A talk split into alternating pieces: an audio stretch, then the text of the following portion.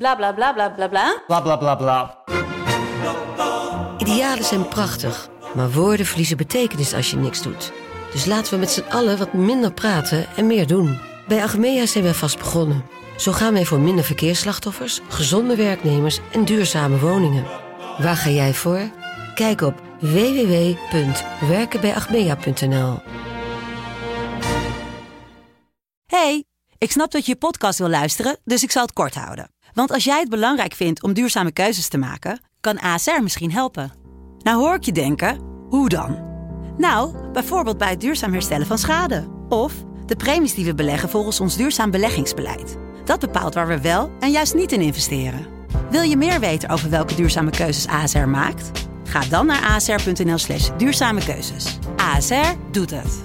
Zo, dan kan je nu lekker naar je podcast luisteren. Studio Socrates wordt mede mogelijk gemaakt door Unibed. Há muito tempo você está no meu caminho. Como posso esquecer? Oké, we, zijn, we zijn weer terug, jongens. Zo, Ja. wat een week hè. Ongelooflijk. Oh, man. Ehm, we, we mogen eigenlijk weer door eh, met, eh, met de Inter. 2009-2010. Het Inter van eh, Mourinho en van, eh van Snyder en van de treble. Eh, maar voordat we naar het team gaan, gaan we eerst even naar het tijdsbeeld. Ja, ik heb eh, voor tijdsbeeld heb ik gefocust op ehm, het WK. Want dat was natuurlijk, dat was maar wat, hè jongens. Ja, dat was zeker wat. Wij haalden, en met wij bedoel ik het Nederlands elftal, voor de derde keer in het bestaan van het wereldkampioenschap de finale. Dus daar heb ik een klein, eh, heb ik eigenlijk gewoon wat, wat eh, vragen over. Eigenlijk verwacht ik, heb ik heel hoog verwachtingen van Oh, jullie. nee, ik ben dus Vorige week was het dus goed, echt hè? helemaal niks meer van. Ja, vorige week was het echt Ik- goed. Ehm, ja, the road to the final.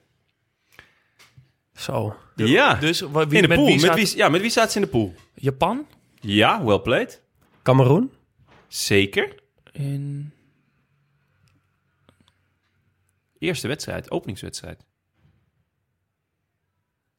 Mm, Denemarken? Ja, well Wow, die kwam van diep, die guys. kwam Die echt kwam van diep, ja. zeker van diep. Nederland werd eerste in de pool. Ehm, ze eh, wonnen drie keer. Welke ploeg werd er tweede? Met Hmm. zes punten. Cameroen?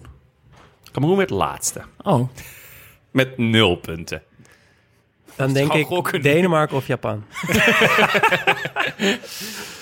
Dat is goed. Ja, Japan. Japan. Ja, dat is toch opvallend? Ja. Was ik ook echt glad vergeten. Ehm, ja, dan de knock-out fase. De achtste finale. ja Dit ik, weet ik nog wel. Ja? Ik, ben heel eerlijk. Ik, ik was het, ik bezig. Ik, dacht, wow, dit ben ik even... Was het Slo Slovenië of Slowakije? Slowakije, ja. Slowakije. Hoeveel werd het? 1-0? Robben? Oh. 2-1. Maar Robben scoorde wel, dacht ik. Eh, ja. ja, volgens mij wel. Met zo'n Ehm, la- in, de, in de korte hoek volgens mij, met zo'n lage schuiver. Ja. Toen, natuurlijk, Nederland-Brazilië. Dat weten we. Die weten we nog. Eh, de kwartfinale. Wie scoorde er? Snijder. Ja, En een soort van eigen goal-achtig iets, toch? twee keer Snijder. Ja. Ja. Ik weet nog wel dat Maar wie bij, scoorde er eh, voor Brazilië? Want Brazilië kwam met 1-0 voor. Uh, Robinho? Robinho. Naar, Zeker. naar de enige steekpas ooit, denk ik, van Felipe Melo. was Leuk. echt een hele mooie bal. En Leuk. de redding van Stekelenburg. Ja, en die schitterde... Op het schot van Kaká. Ik Ja. zou bij een vriend deze wedstrijd gaan kijken, weet ik nog. Maar volgens mij had hij toen zijn diploma-uitreiking. En dat liep allemaal een beetje uit. Dus toen hoorde je gewoon de mensen in de huiskamers... eh, terwijl wij nog voor een dichte deur stonden bij, bij het pand waar hij woonde... gewoon het Wilhelmus al meezingen. Eh, En ik zat zo, Erik, kom op. Waar blijf je? De kwartfinale tegen Ooyer speelt. Wat, we moeten dit zien. Fok je diploma. Ja, en toen was hij gewoon net op tijd voor, voor het eerste fluitsignaal, oh gelukkig. man. Zo. Maar dat was even... Zo. Ooyer even zweten. Ja, nee. Belangrijk detail. Speelde Ooyer niet... Hij speelde tegen Brazilië, ja. ja. Want eh, halve finale? Uruguay. Uruguay. Ja. Stand? 3-2. Ja. Nou, dat... Met die goal van Van Bronckhorst. Ja, ja, zeker. Schitterende goal, 3-2. En dan, ja, want dit was natuurlijk dit was een mooie warming-up. Maar de finale. opstelling. De opstelling De van opstelling. de finale. Jezus. Ik weet wel dat er, dat er allemaal, ding, allemaal spelers tussen zitten waarvan we nu denken... Stekelenburg, Ja, steek klopt. Heitinga, Ja, zeker. Van Bronckhorst, Ook. Matthijssen. Ja. Snijder, Eh, we missen een rechtsback nog, toch? Ja, van der missen- Wiel. Van de Wiel. Ja, van de wiel. Wel played. Eh, de Jong van Bommel. Zeker. En dan Snijder, Robben R- Robbe. van Kuip. Persie. Ja.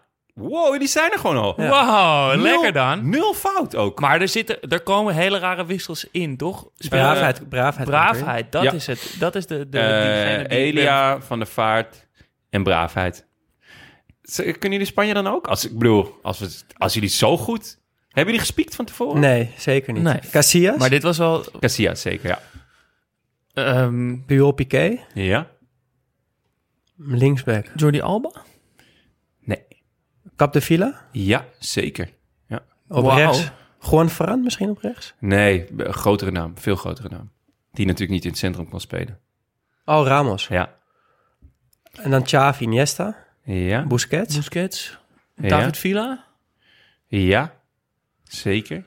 Eh, Nog twee mis ik er. Een middenvelder en een buitenspeler.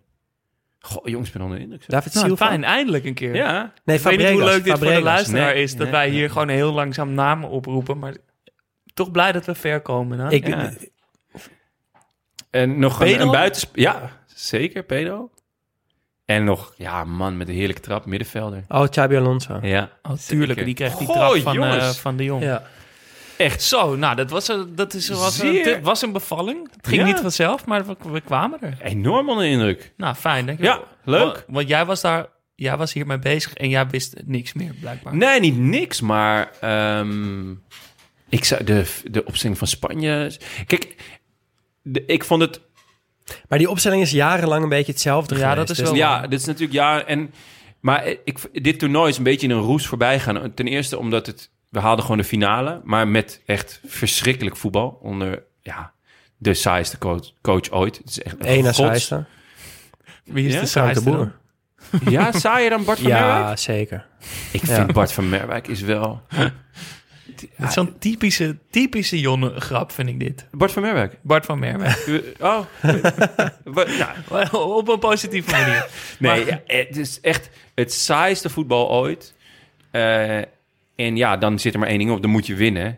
Ik bedoel, ja, we volgens mij hebben we het al vaak over gehad. Ik vond EK 2008 heel veel vetter dan, Ja. dan dit. Behalve dat we natuurlijk gewoon zo ver kwamen... en dat we daadwerkelijk gewoon echt dichtbij waren om, om wereldkampioen te worden.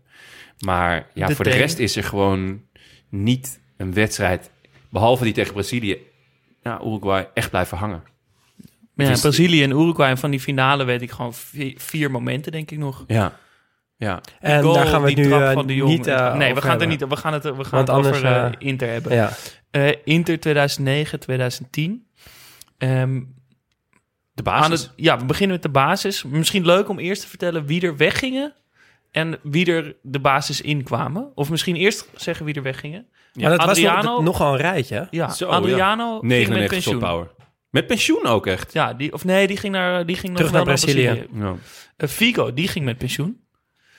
Crespo, Bonucci, Vieira, Slatan, Maxwell en Kerlon werd verhuurd aan Ajax. De zeehond. De zelfde dribbel. Ja. Yes, groot fan van.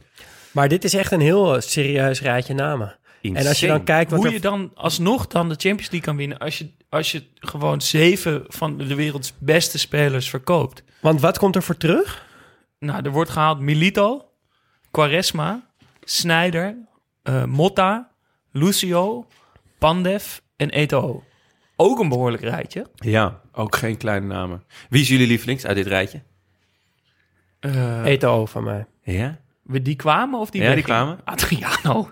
Nee, nee, die, oh, die, kwamen. kwamen. Eh, eh, Snyder. ja? Ja. Charisma. Dat is, dat is zo'n... Maar we gaan het er zo over hebben. Ja. We gaan het nu hebben over wie er, in de, wie er in de basis stond. En we beginnen bij de keeper dan. Ja, bij Julio Cesar. Wat nou, misschien op dat moment wel de beste... of in ieder geval een van de beste keepers ter wereld was. Vond ik tenminste.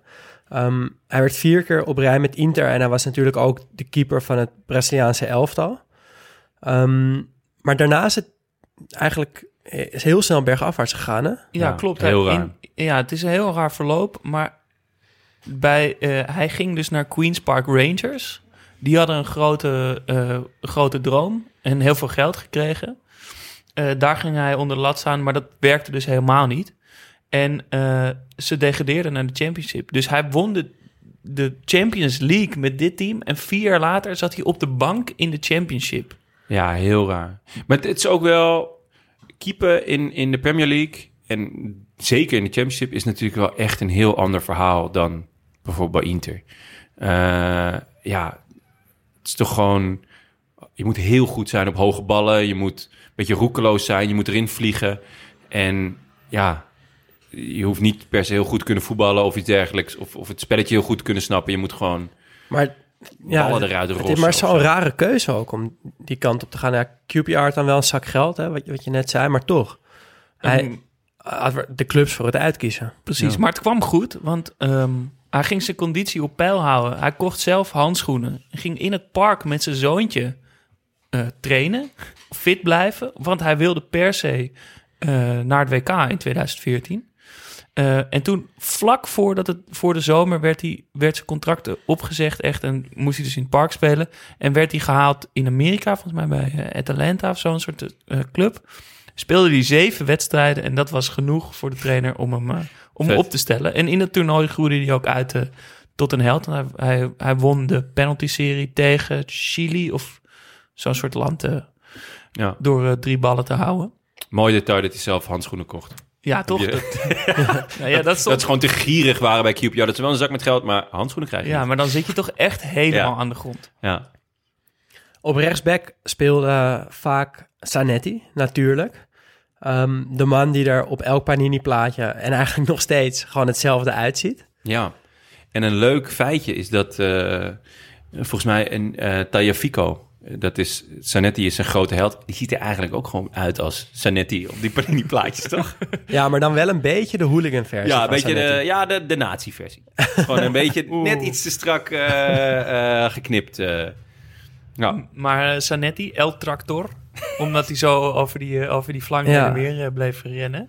Ja, en dat deed hij extreem lang. Want hij kwam in 95 al naar Inter. Ehm, werd vier jaar later aanvoerder. Dus dan hebben we het over 1999.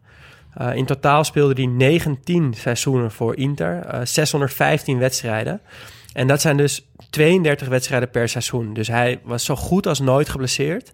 Zo goed als nooit geschorst. En dat zijn hele carrière lang. Dat, ja, dat, dat wisten we natuurlijk wel een beetje. Maar als je dan die cijfers echt ziet...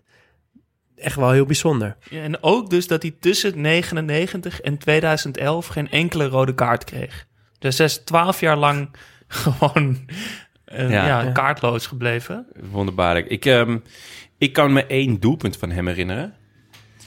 Eh, maar eigenlijk kan ik het me alleen maar heel vaag herinneren. Dat eh, was, er was een aanval en een keeper die kwam uit en die, die was daardoor uit zijn goal. En hij krijgt een bal op de middencirkel, een beetje half hoog.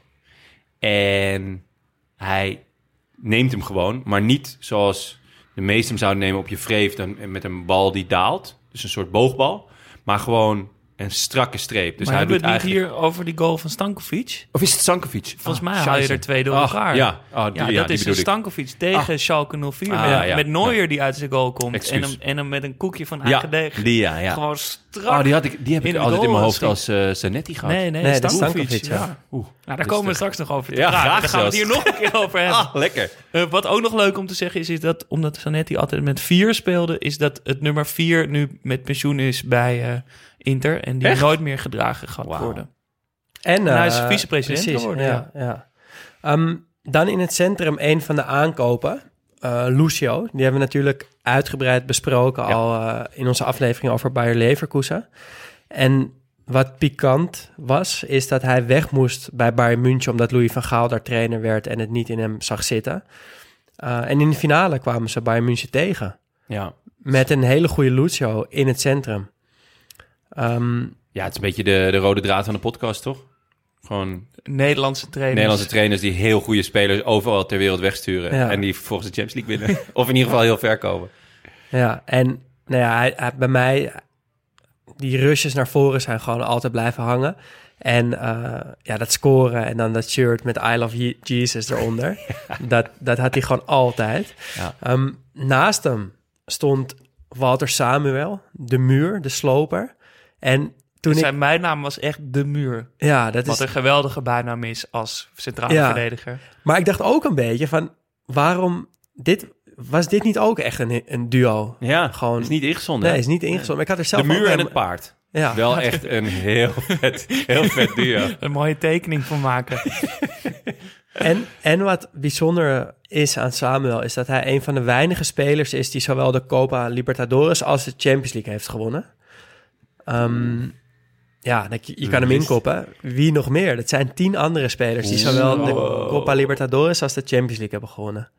Zo, Neymar? de knetter. Ja, Neymar. Oeh. met Santos in 2011, eh, de Libertadores en Barcelona natuurlijk daar, hier in Europa. Oh, dat is moeilijk, hè? Ehm, De echte Ronaldo? Nee, want die, nee, die was heel vroeg bij PSV al. Oh ja, natuurlijk.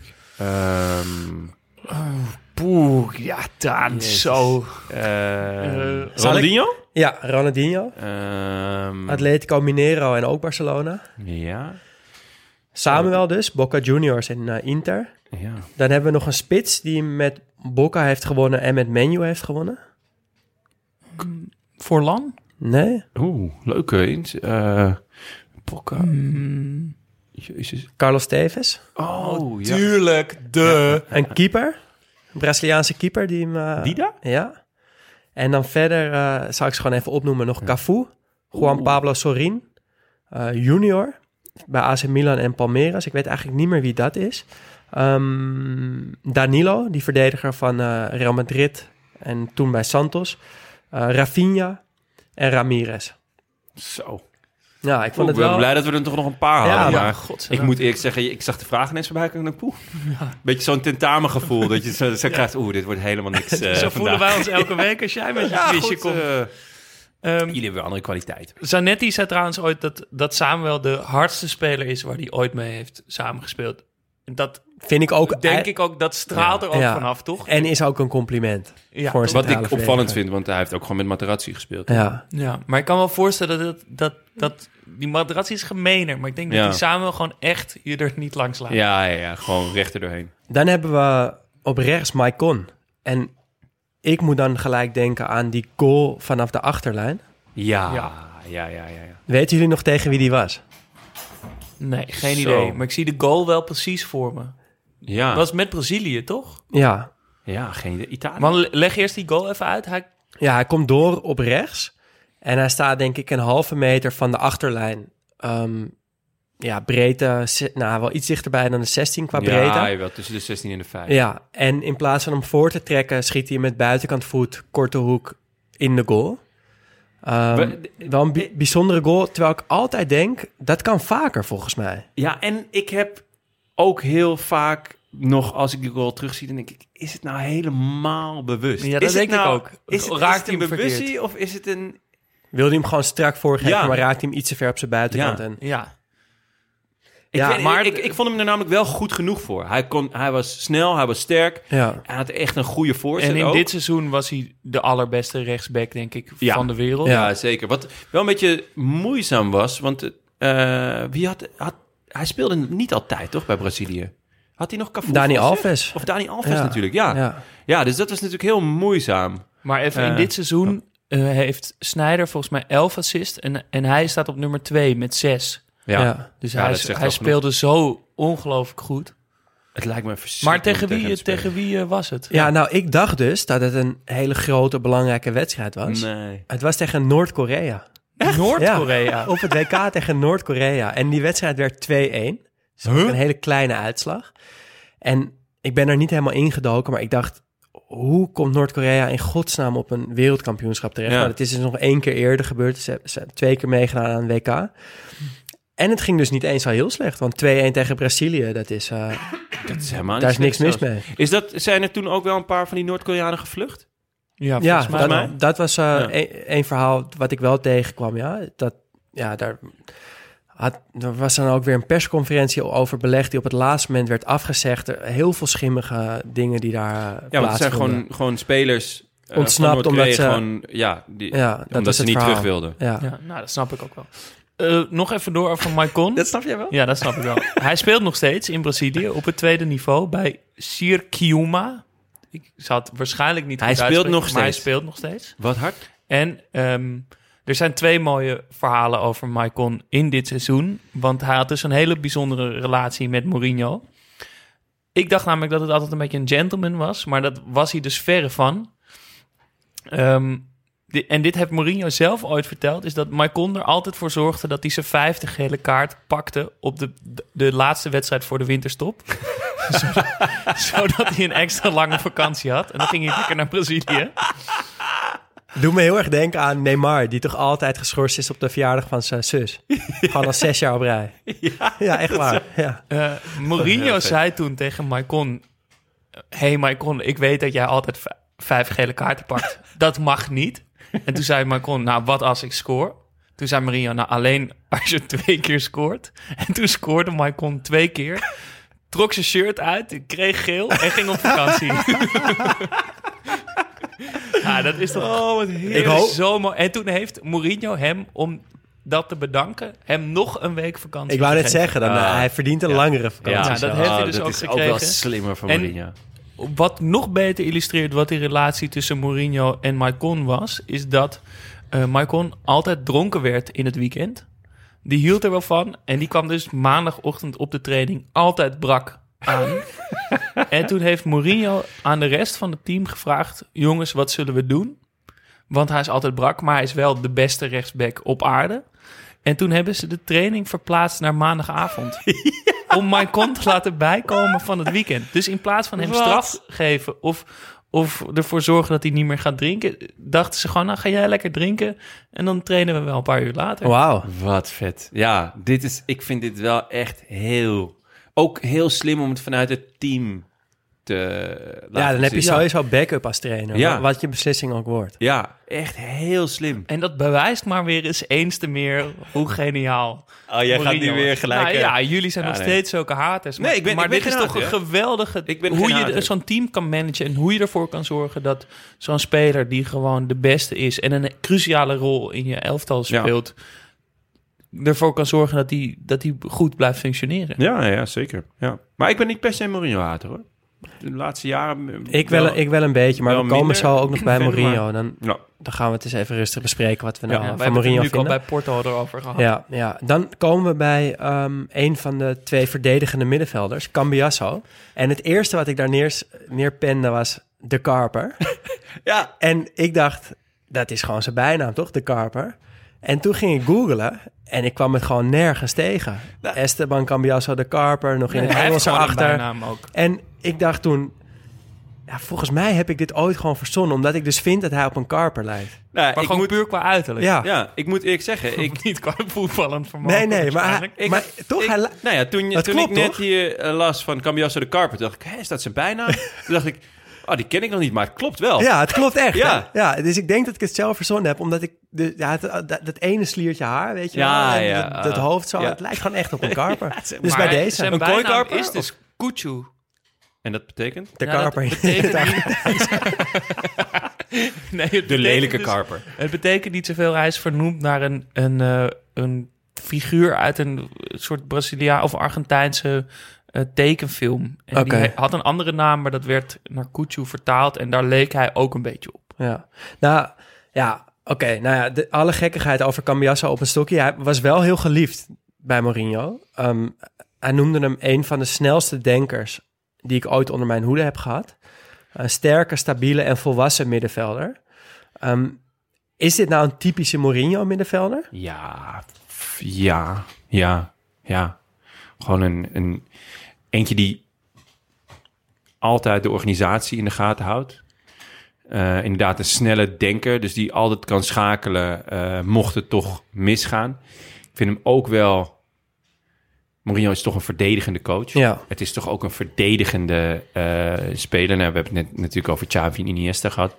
Dat, dat zou er bij Mourinho veel minder snel, of in ieder geval niet samen inkomen. Ja, met, ja, met hem vind ik dat wel. Ja. Ja, vind ik wel. Ja, vond ik dus ook wel. En wat, waar ik achter kwam is dat hij op 15-jarige leeftijd vanuit Argentinië werd gescout door Louis van Gaal bij Ajax. Eh, die wilde hem graag hebben.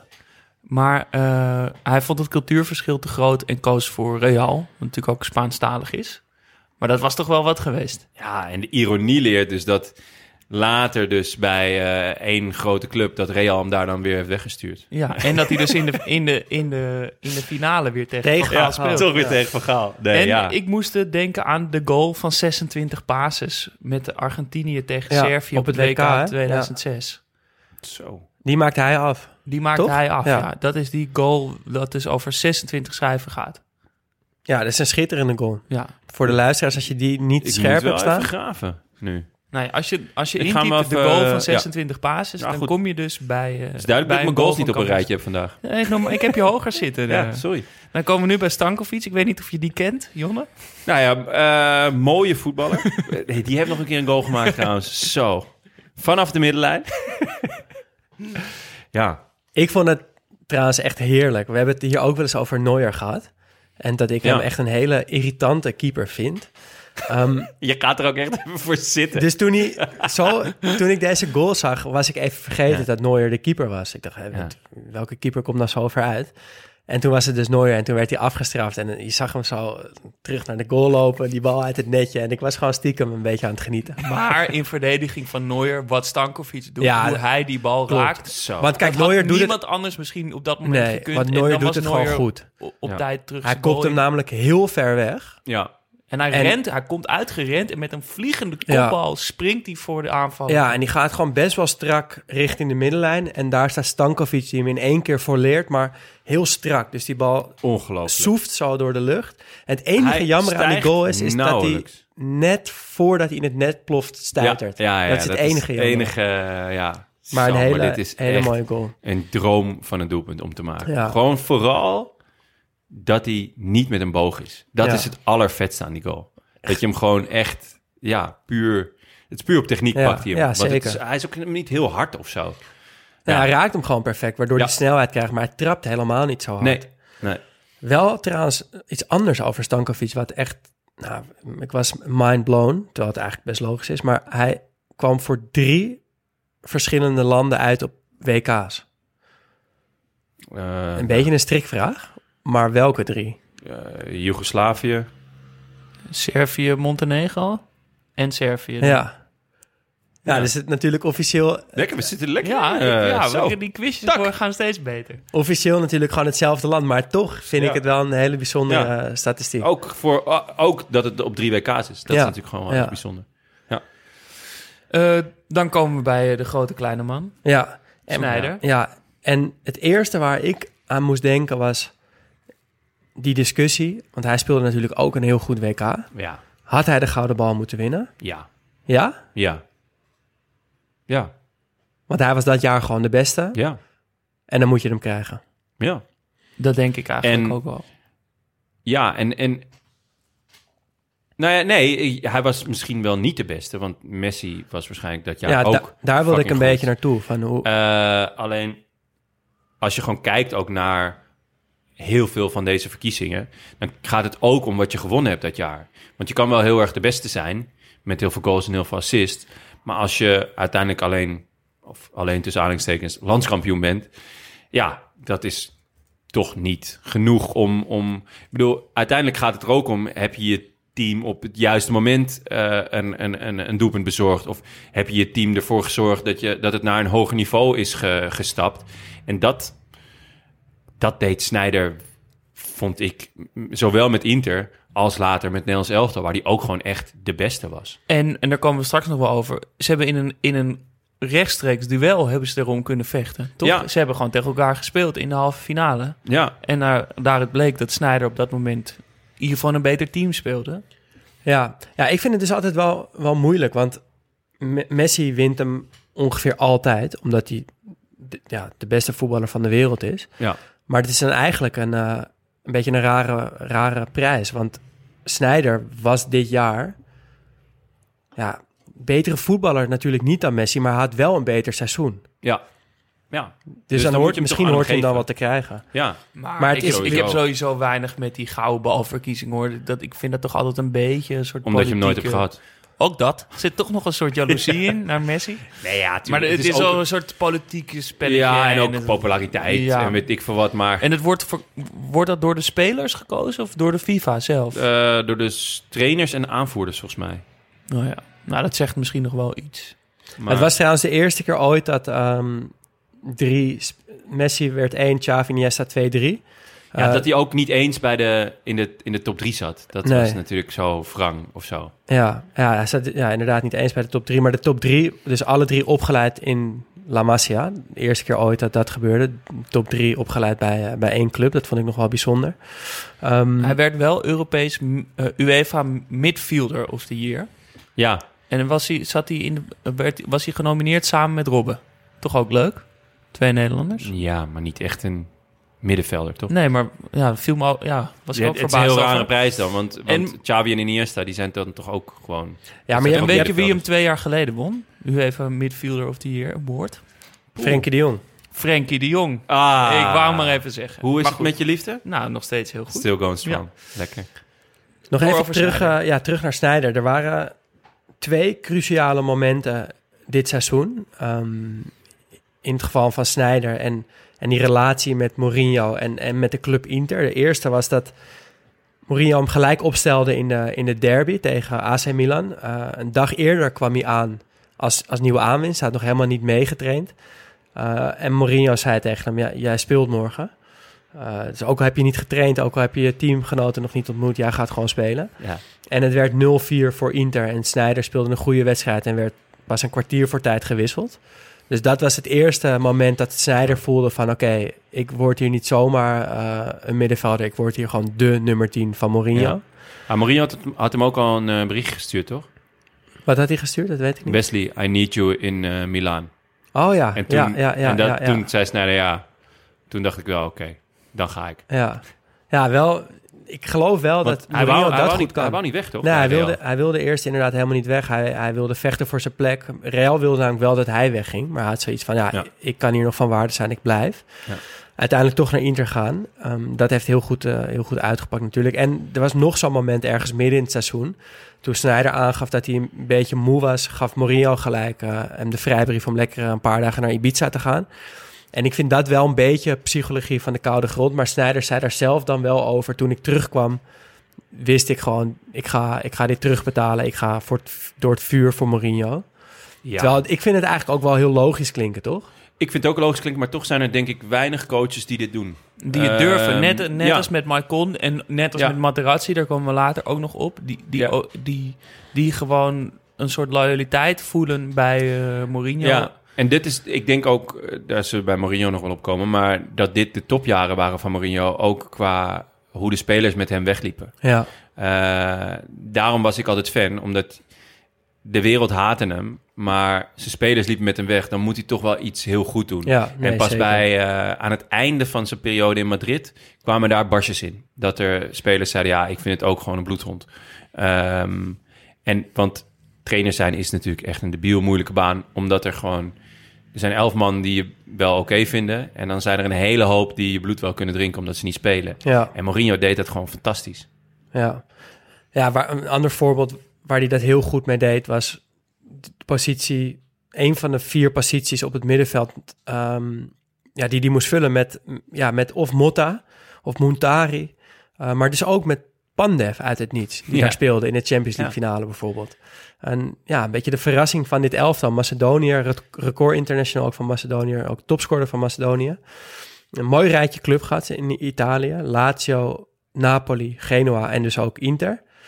Ehm, ja, en dat was wel een bijzondere fonds van Mourinho. En dat herinner ik me ook nog wel van de finale. Dat, dat, ja, dat was een beetje de kona- het konijn uit de hoge hoed. Dat hij opeens speelde. En, en Ehm, Nederland eh, gaat tegen... Ik weet niet of hij dan nog meespeelt, want volgens mij is hij nu gestopt. Maar hij heeft eh, Noord-Macedonië naar het EK geschoten. Ah, En Nederland is ingedeeld in de pool met eh, Noord-Macedonië. Dus we gaan Misschien hem, komen we hem hem tegen. nog tegen. Maar volgens mij is hij nu ook, heeft hij zoiets van... Nou, ik heb nu mijn land naar het EK geschoten. het is wel goed Het zo. is voor mij is het is de ja, dan ga je toch juist het nog rond? even. Ja, volgens mij had hij zoiets, zoiets las Ja, ik, het maar ik, kunnen, ik weet niet, niet zeker. Beetje of zoals Liedmanen, die op een gegeven moment alleen nog maar Interlands speelde. Je had geen clip meer, maar die speelde wel nog Interlands. Ja, mooi. Veel En hij heeft nog heel lang bij Genoa gespeeld, toch? Ja. Pandev. Ja. Dan in de spits. Iemand die eigenlijk ook nooit meer zo goed is geweest als dit jaar. En wat was hij goed? Ja, Ja. Diego Milito. Was wel een beetje one-hit wonder, ja. Ja, Toch? ja. Ik, weet, ik wist nooit zo heel goed eh, wat, wat ik nou van hem moest vinden. Ja, Wat, wat voor type spits was het nou? Was het Ah, een, een sloper? Was het een technicus? Was het een nee. Het was volgens mij, hoe ik hem herinner, is, is een, gewoon een, een, een handenbindertje. Een, gewoon een handige speler die wel goed was in het afmaken van kansen. En in deze Champions League campagne zie je best wel veel dezelfde goals. Dat hij in de 16 redelijk op snelheid is en nog iemand uitkapt en dan afwerkt. Ja. Dat, dat deed hij vaak. Maar als je kijkt naar het rijtje clubs van hem, Racing Club uit Argentinië en dan Genoa, Real Zaragoza, Genoa, Inter en toen weer Racing Club. Hij heeft gewoon een heel laag, Ja. laag niveau en dan met één Eén piek, enorme ja. uitschieter. ja. En ik kwam erachter dat hij eh, ontzettend op eh, Sylvester Stallone in eh, Rocky Balboa lijkt. Dat is echt niet normaal. Belangrijk Dat klopt, ja. detail. Ja. ja. En Hopen dat hij een- wel wat duidelijker articuleert. En een belangrijk detail om te vermelden is dat zijn broer Gabriel Milito, die speelde bij Barcelona. En de twee, stonden dus, de twee broers stonden tegenover elkaar in de halve finale van de Champions League. Het was maar één helft. Het was alleen in de return. En in de, in de, in de rust werd eh, Gabriel bij Barcelona gewisseld. Toch wel heel Maar bijzonder. toch wel heel Ja. bijzonder. Heel vet. Dan komen we bij de spitspositie. eh, Samuel. Eto'o. Gevoelig. Ja, ik Ja. voel hier al eh, spanning bij Want jou, die werd jongen. natuurlijk geruild ja. tegen Zlatan Ibrahimovic. Ja, ehm, voor Slatan natuurlijk zijn droomtransfer. Slatan had het, eh mijn hoofd drie jaar heel goed gedaan bij Inter. Dat zei ik vorige week al, dat was mijn favoriete Slatan. Ja, Eh, Inter was natuurlijk vijf jaar op rij kampioen geworden. Of de, vier jaar op rij al kampioen. En toen eh, dit jaar werd de vijfde. De- dus de uitdaging was in ieder geval voor Slatan wel een beetje op, denk ik. Maar hij wou gewoon heel graag naar Barça. Want Barça was het, het voetbal, eh, qua, het beloofde land qua voetbal. en ook de enige... Messi is echt de enige waarvan Zlatan zegt... Daar, daar kan ik mezelf niet mee vergelijken. Nee. Die is gewoon nog beter. Ja, ja dus, dus ik snapte heel goed dat hij dat wou.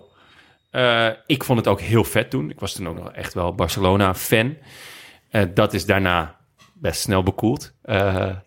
Ja, jullie mogen best weten, ik heb de kant van Slatan gekozen.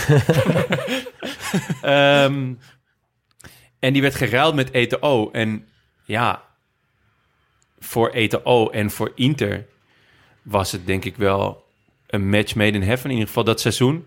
Maar dat was Slatan het- de jaren daarvoor ook. Ik bedoel, Inter was echt al heel lang geen kampioen geworden voordat hij kwam.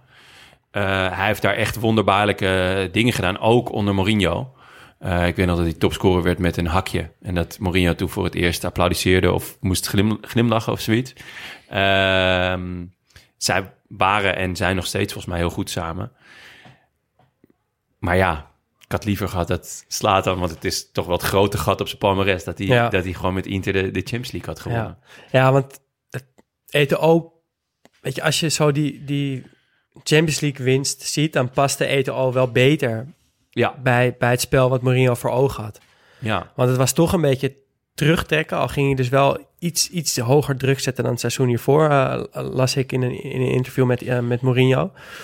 Maar het was toch scoren vooral vanuit de omschakeling. Met Ja. dus een paser erbij halen eh, in, de, in de vorm van Snijder. En dan Eto'o en Milito als twee lopers daarvoor.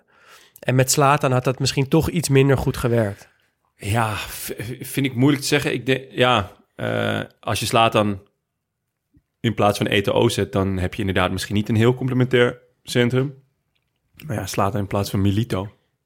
Ik zou het wel weten. Eto'o en Slatan is wel ook wel een heel mooi deel. Ja. Word ik wel hitsig van. Dan de, de bank. Eh, want daar zitten nog behoorlijk wat mensen op. ja. Die er ook regelmatig eh, speelden.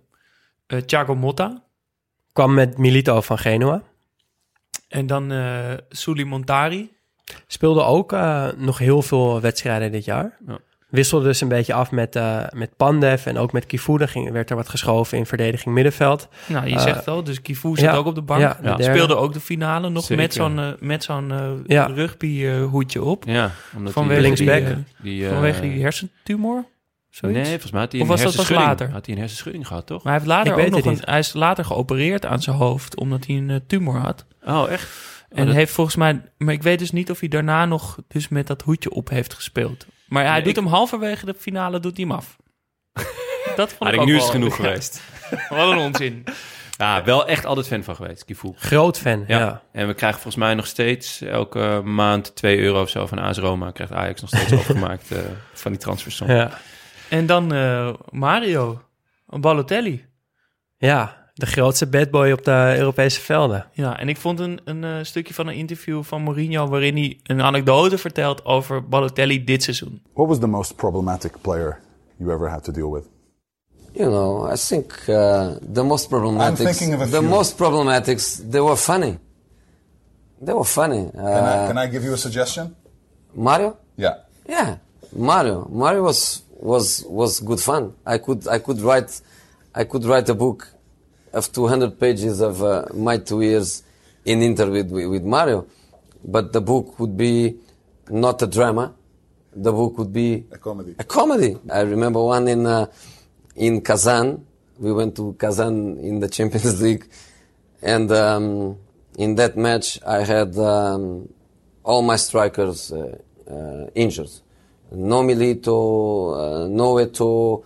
I was really in trouble, and Mario was the only one. Mario gets uh, a yellow card in the in minute 42, 43. So when I go to the dressing room at halftime, I I spend I would say 14 minutes of the 15. 15. I was spending 14 minutes speaking only for Mario. Mario, I cannot change you. I cannot make a change. I don't have a striker on the bench. Don't touch anybody. Play only with the ball. When we lose the ball, no reaction. If somebody provocates you, no reaction. If the referee makes a mistake, no reaction. Mario, please. Minute 46. No way. Red card. No way.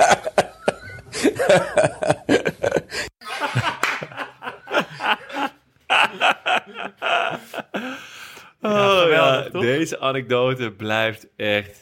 it Never gets old. Nee, hè? Zo Nou, goed. hij is ook misschien ook wel bekend, maar het is heerlijk. En Ja, er is ook absoluut. nog zo'n soort verhaal dat hij ooit ook, dan is hij boos op, op, eh, op Balotelli. Dan zegt hij dat Balotelli bij hem op zijn kantoor moet komen. En dan is hij, komt hij niet. En dan belt hij eh, Balotelli op en is Balotelli bij de Formule 1 race. En dan zegt hij, waarom Mario, wat doe je daar? We hadden toch een afspraak? En dan zegt Balotelli, ik kan elke dag van het jaar kan ik bij jou op kantoor komen, maar ik kan maar één dag per jaar naar de Formule 1. Ja, of Balotelli. Er zijn Geweldig. zoveel van Ja. dit. Misschien kunnen we een keer een, een, een special maken. Gewoon wel. over Balotelli met alleen maar vette Balotelli verhalen. Vind ik wel een leuk idee. Ja, hij, was, hij kon ook wel echt debiel goed voetballen. Hij schiet ook een vrije trap erin in die Champions League. Ik weet even niet. Ja, tegen Ruben Kazan. tegen Ruben Kazan ook, ook van, eh, nee, ja, wat Ja, is dat 35 meter. zijn? eh, Ja, strak in de kruising. ja, onderkant lat eh, klapt hij zo de goal in. Ja, schitterend. Heerlijk. Dan gaan we even door met een andere, ja, toch wel bad boy op de bank. eh, Mario, eh, of Marco, sorry, Marco Materazzi. En eh, ja, daar is ook een heel mooi filmpje van dat Materazzi en Mourinho elkaar snikkend in de armen vallen voor Bernabeu, waar de, waar de finale werd gespeeld.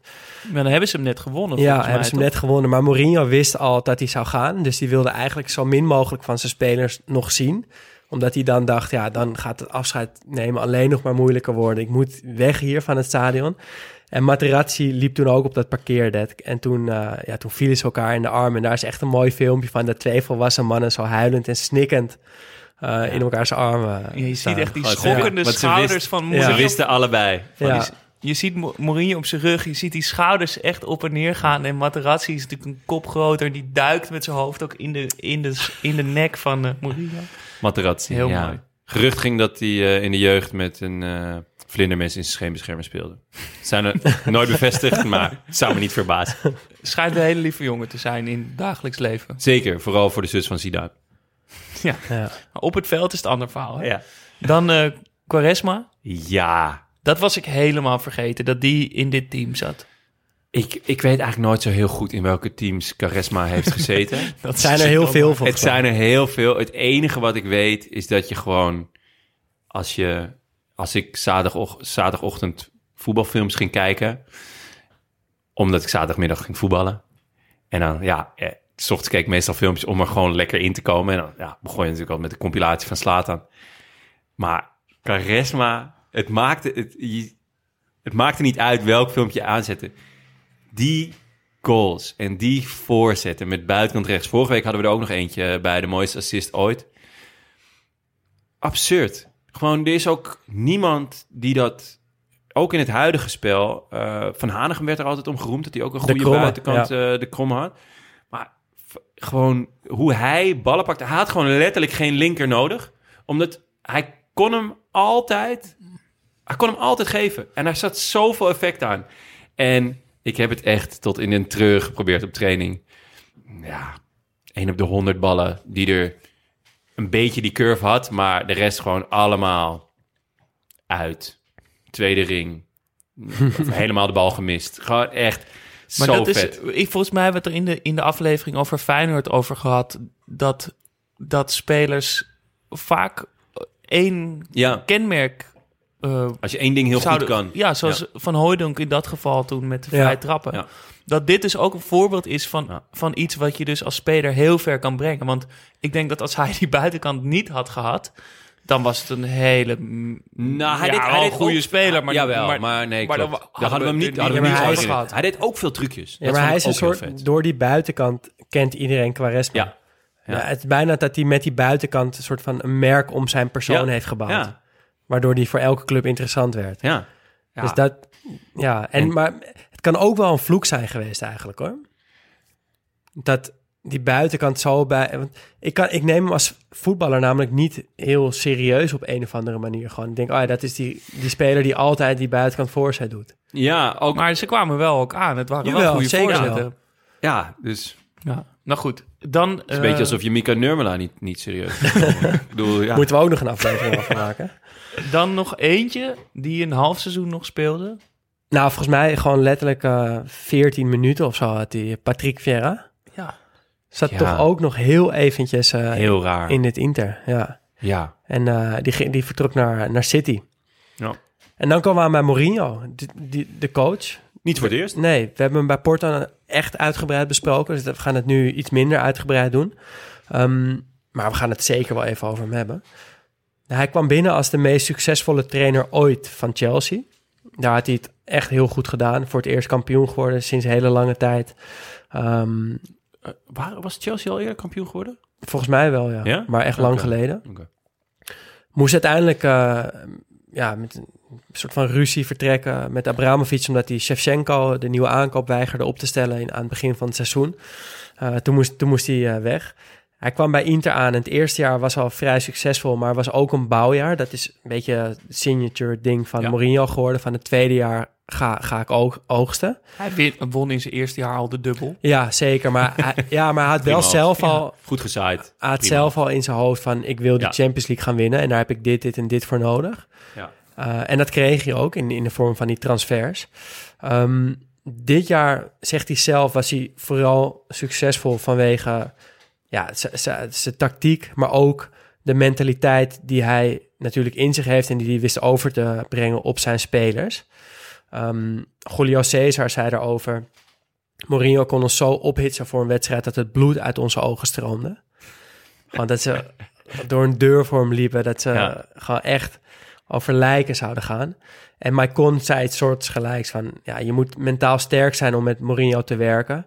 Uh, want daar kan je gewoon echt afbreken. Maar als je in hem gelooft, dan, uh, ja, dan krijg je superpowers. en dat, uh, ja, dat kwam er dit jaar bij Maicon ook zeker echt uit. En um, ja, dat... Zou dat nog steeds... Dat, nou, dat trucje is het niet, maar die kwaliteiten... Werkt dat nog steeds bij Mourinho? Want jij zei net al even... Bij Madrid nou ja. begon het een beetje te barsten. Ja, vond ik wel. Toen, dat was voor het eerst dat je hoorde dat er spelers niet positief waren over hem. Want nou ja, wat we net zeggen over Materazzi, die speelde echt niet veel dat seizoen. Nee, terwijl het nauwelijks. Een, terwijl het een icoon was in, uh, bij uh, Inter Milaan. Um, maar kreeg dus, hij speelde bijna nooit, maar kreeg op de, in de laatste vijf minuten van de finale van de Champions ja. League mocht hij er nog, mocht in, hij, uh, nog in. Puur als een soort ja. eerbetoon aan Materazzi ja. en dat hij zo loyaal was geweest. Ja, En, en Materazzi, ja, die staat ook alleen maar te huilen en, en eh, Mourinho te knuffelen. Dus. Maar ja, dat, dat geeft dus aan dat Mourinho daar oog voor had. Dat hij er goed in was. Al die spelers van dit Inter en het Inter daarvoor, dus van het eerste jaar en het tweede jaar, die lopen echt met hem weg. Terwijl als je nu spelers van Real over hem hoort, dan is dat best verdeeld over, over die tijd. Ehm, Nou, en van Menu al helemaal. en menu is, is het helemaal verschrikkelijk. Ehm, Tottenham gaat nu ook en niet Tottenham gaat nu ook eh, down the drain. Waarbij hij dus ook ja, daadwerkelijk afgeeft op zijn spelers. Wat ook iets is wat hij nooit deed. Hij, was, dat, eh, hij deed beschermde zijn natuurlijk spelers altijd. Hij ging er altijd voor staan. Zodat zijn spelers Ja. eh, buiten schot bleven. Ook als het niet goed ging. Dus ja, wat dat betreft vrees ik een beetje. Hij is natuurlijk ook qua club al afgegleden. Tottenham is niet de absolute top. Nee. Ehm, vrees ik dat het, dat het wel een beetje klaar is. Ik ben bang van wel. Maar ik denk wel dat hij in, in dit seizoen, het, misschien na Porto, de allerhoogste, Ja, ja zeker. toch beter ge- gecoacht is er misschien wel nooit dan, dan Dan dit Mourinho op team zijn top. samengesmeed eh, Ja. te hebben. Dan hebben we de spelers gehad. Kunnen we het nog even over de Champions League eh, hebben? Yes. Want het was Ja, een mooie zeker. campagne. Ja. Met als hoogtepunt denk ik die halve finale. Want die, die, die weg daar naartoe, die, die gaat hobbelig. Ja. ja, en wat wel interessant is, dat was ik zelf helemaal vergeten, is dat ze in de groep ook al met Barcelona zaten. Ja. Ehm, ook met Rubin Kazan en Dynamo Kiev, maar Barcelona de meest aansprekende tegenstander natuurlijk. Thuis speelden ze gelijk, maar uit verloren ze kansloos. Ehm, sterker nog, Inter stond eigenlijk in, in de groep al op de rand van uitschakeling. Want ze speelden de eerste drie wedstrijden dus gelijk. En in de vierde wedstrijd stond ze kort voor tijd 1-0 achter eh, in Kiev. Ehm, totdat Snyder opstond. Hij gaf echt een hele mooie assist. Een hele strakke paas door het centrum op Milito. Die goed afwerkt. Beetje geluk, maar wel goed.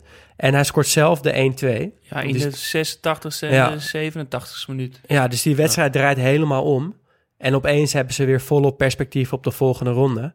En eh Balotelli verzegelt dat eh, twee weken later met eh, ja, die waanzinnige vrije trap tegen Rubin Kazan van 35 meter onderkant lat. Dat viel me trouwens ook op dat Snyder de vrije trappen nam. eh Balotelli nam vrije trappen. Stankovic nam vrije trappen. Eto'o, heb ik Eto'o. gezien, Volgens mij iedereen kon een vrije trap Stankovic of nemen. Zanetti? Ja, daar ben ik, moet ik ook even, wil, ik- wil ik kom even vanaf zijn. eh. Kom ik nog bij op terug. ja, Dan- opvallend. Dan achtste finale tegen Chelsea. Ja, zijn oude club. Ja. Ja. Ja, en dat was ehm, wel een sleutelmoment. Thuis wonnen ze namelijk 2-1.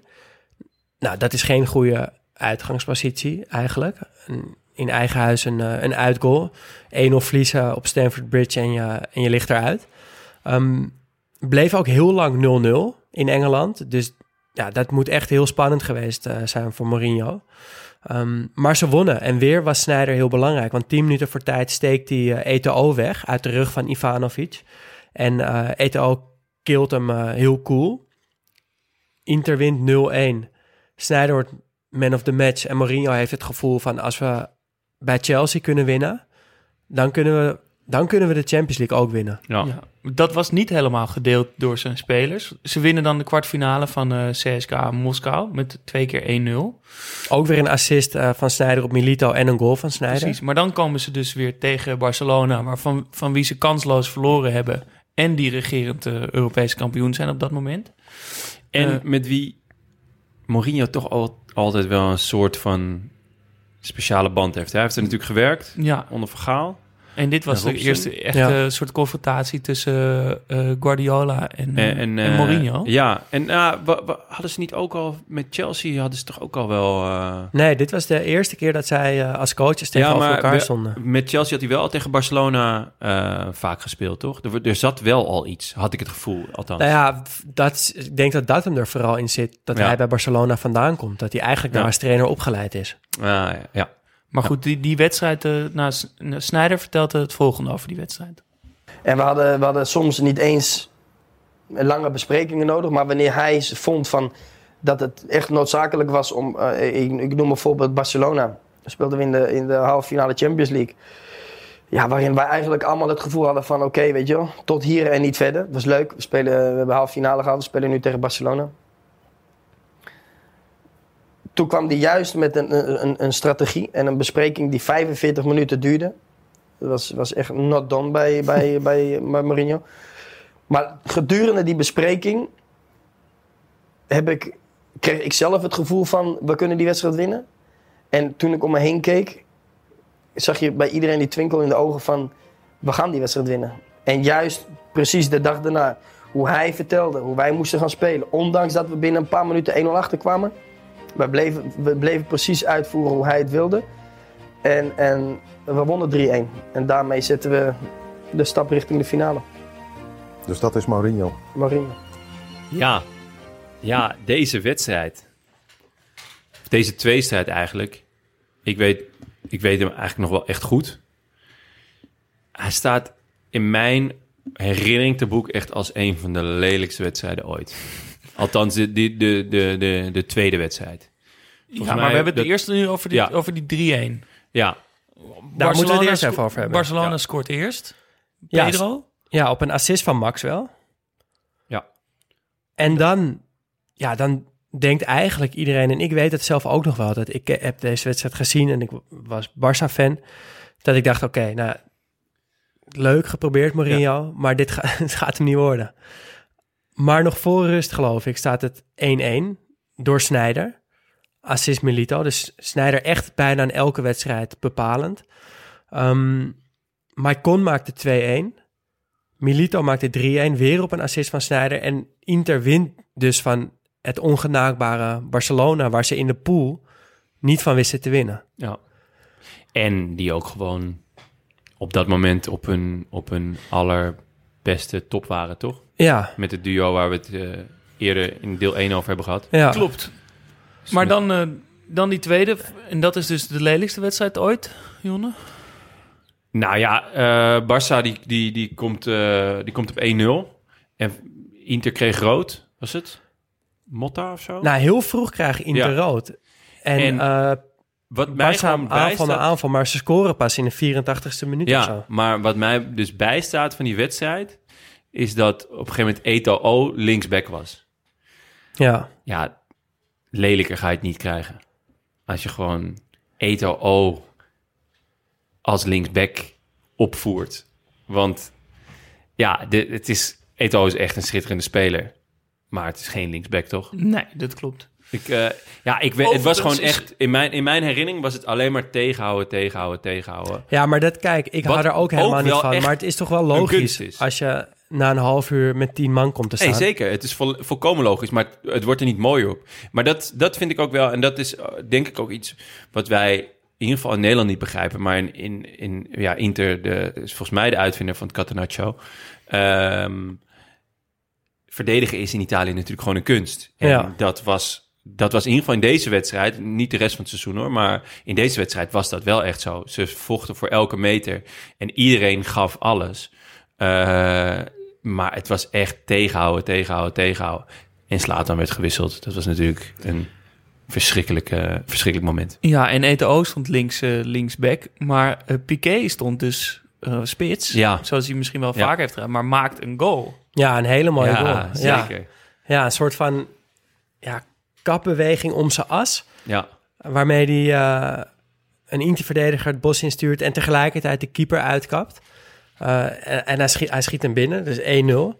En dan is het nog eh ja, 10 minuten hachelijk voor de goal van Inter. Oh, yes. Ja, Maar, echt mooi woord, hachelen. Ja, maar hij valt niet. En Nee. wat mij vooral is bijgebleven van deze wedstrijd... is dat Mourinho vervolgens 26 eh ererondes rondop over het veld rent... naar het publiek wijst, eh, hand achter de oor, hand, vinger voor de Type, mond... type Jack van Gelder. Nee, maar die gaat gewoon... Die zit de boel uit te lokken en te provoceren. Ja, En dat, ja, ik denk dat dit eh, het ontstaan is van die veten tussen Guardiola en Mourinho. ja. Zeker omdat Mourinho hierna natuurlijk naar Real gaat, de grote Ja. rivaal. maar ja. Ja, Eh, hij trekt het wel eh, uit het vuur. hij sleept het uit het vuur. En dan de finale tegen het Bayern van Van Gaal. Met, eh met Robben. En eh, ja, twee, keer- de, de avond van Milito. Ja, Twee keer Milito. twee keer Milito, één keer eh, weer op assist van Sneijder. En één keer op assist van, eh van Eto'o. En hier maakt hij dus, die tweede is dat geloof ik, dat hij eh, van buiten verschrikkelijk uitkapt. Die omvalt ook. Dat vind ik altijd heel erg als het gebeurt als een verdediger omvalt door een kap. En hij, hij maakte heel vrij af. En bij ja, Bayern dus Van Gaal aan het roer. Uh, Robben en Ribéry op de flanken. Ehm, Die werd trouwens ook nog gezegd als mooiste duo. Robberie. Robberie, ja, ja. Als je een eigen naam hebt voor je duo stond Ja. daarbij, dan Ja. is het een heel mooi duo. Maar ja, die finale, vol- volgens mij, dat zei Mourinho zelf ook al, wist iedereen binnen dat team van Inter na die, eh, nadat ze Barça hadden uitgeschakeld van, we hebben de Champions League gewonnen. Ja. Ik denk ook niet dat Bayern een kans had. Toch? Het Dat- is een formaliteit gewoon. Dat, dat gevoel, ja, dat, dat gevoel dat is je wel echt lekker als je zo de Als je finale Van Gaal ingaat. Ja. op die bank ziet zitten en je ziet Mourinho op- Ja. ja, voor de dugout staan... Ja. Dan, dan zie je dat die lichaamstaal die zegt al zoveel dan. En ook in de, in de 85e minuut of zo, of nog echt voor het fluitsignaal, komt eh, Mourinho eh, van Gaal nog even alvast even knuffelen. Een soort van, eh, hey, eh, mooie wedstrijd gespeeld. Ja, de meester en de, en de Ja. leerling. Ja. Die eh, wordt overtroffen. Ja. Ja, wel een geweldig team, toch? Echt. echt, echt een, eh, wel echt een heel bijzonder team wat mij het meest bijblijft. En of dat nou een, een erfenis is, of, of dat, dat, dat weet ik niet of we dat zo moeten noemen, maar dat soort van die teamgeest. eh, want af en toe, weet je, komen ze ook nu nog in de pers. En ze, al die spelers hebben het altijd over dit jaar en dit team. Ze wonnen alles met een soort van superhecht team.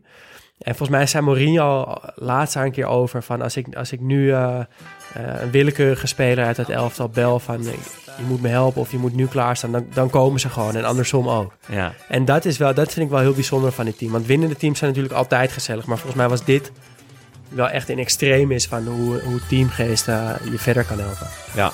Ik denk ook dat dat misschien wel de erfenis is. Ja. Ja, ja. misschien dan toch.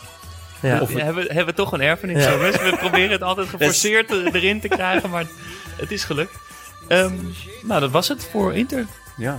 Eh, dankjewel voor het luisteren naar allebei onze delen. Laat alsjeblieft eh, weten hoe jullie het vonden. Of jullie het een geslaagd experiment vonden, vonden deze twee delen. Volgende week stellen we onszelf weer een vraag. En dat is, wat is jullie favoriete voetballied? Ja, Ja. en neem daar echt alle vrijheid in. Ja. Het kan een lied vanaf de tribune zijn. Het Ja. kan een, een echte artiest die een lied over je favoriete speler heeft geschreven. Een Alles. voetballer die een nummer zingt. Ja, Ja, de, ook, ook zeker ja. Kan er gewoon allemaal in. En ja, kijk, hier is natuurlijk... De spra het spraakbericht is hier natuurlijk wel voor gemaakt. Dus als je hem ook wil inzingen, Dan kom je, word je zeker dat horen. zou enorm gewaardeerd worden. Eh, we weten inmiddels dat er veel echt muzikale dieren tussen onze luisteraars zitten. Ja. Met echt goede smaak. Ik ben bang dat er veel bluff wordt Veel ingezonden. nu. ja, ja, het is wel een Het beetje wordt een soort van- best voor jezelf. Een- onbegrijpbaar lied over Thomason of zo. Dat allemaal. Over een Zeeuws eh, voetbalteam. Straks hebben we weer een blessuretijd van, Milan. van Milan. Ja. Ehm, daar zijn we blij mee. Dus blijf die spraakberichten sturen, dan hoor je dat. Eh, u hoorde voor de rest eh, Studio Socrates, gepresenteerd door Daan Sutorius, Jonne Seriese en mezelf, Jasper Gottlieb. Vond je het leuk? Abonneer je dan en laat een review achter, zodat we makkelijker te vinden zijn.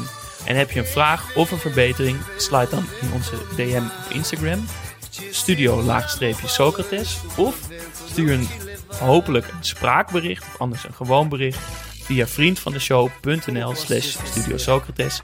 En de mooiste spraakberichten maken kans om in blessuretijd afgespeeld te worden. Mannen, goedemiddag. Ik hoorde jullie dat treurige verhaal vertellen over die supporters van Leeds die neergestoken waren in, eh, in Turkije. Ehm, en ehm nou, wil toeval, ja, of het toeval is, dat eh, valt nog maar te bezien, dat 19 jaar later in de week dat eh, Leeds een hele herdenkingsactie voor die, eh, voor die twee jongens eh, aan het opzetten was, dat er toen een speler was van Galatasaray die de Galatasaray messenset promoten op zijn social media. Ehm, en nou ja, niemand minder dan publieksfavoriet Wesley Sneijder was dat. Eh, enorm ongelukkig van onze West. Ehm, en hij claimt dat hij, eh, dat hij er niks van af weet, wist van het hele incident. Eh, dus hij heeft eh, uiteindelijk ook eh, vrij snel zijn excuses gemaakt en de, en de tweet verwijderd. Maar ongelukkig was het op zijn minst. En het is hem in Leeds niet in dank afgenomen.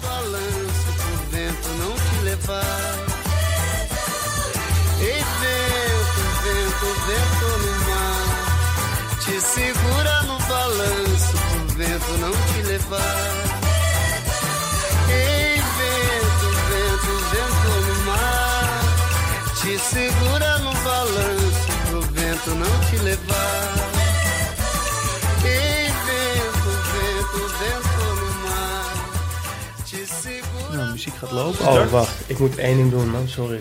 Anders, ik mis misschien mijn deadline van Fancy Premier League. Even drie transfers doen, die één minuut.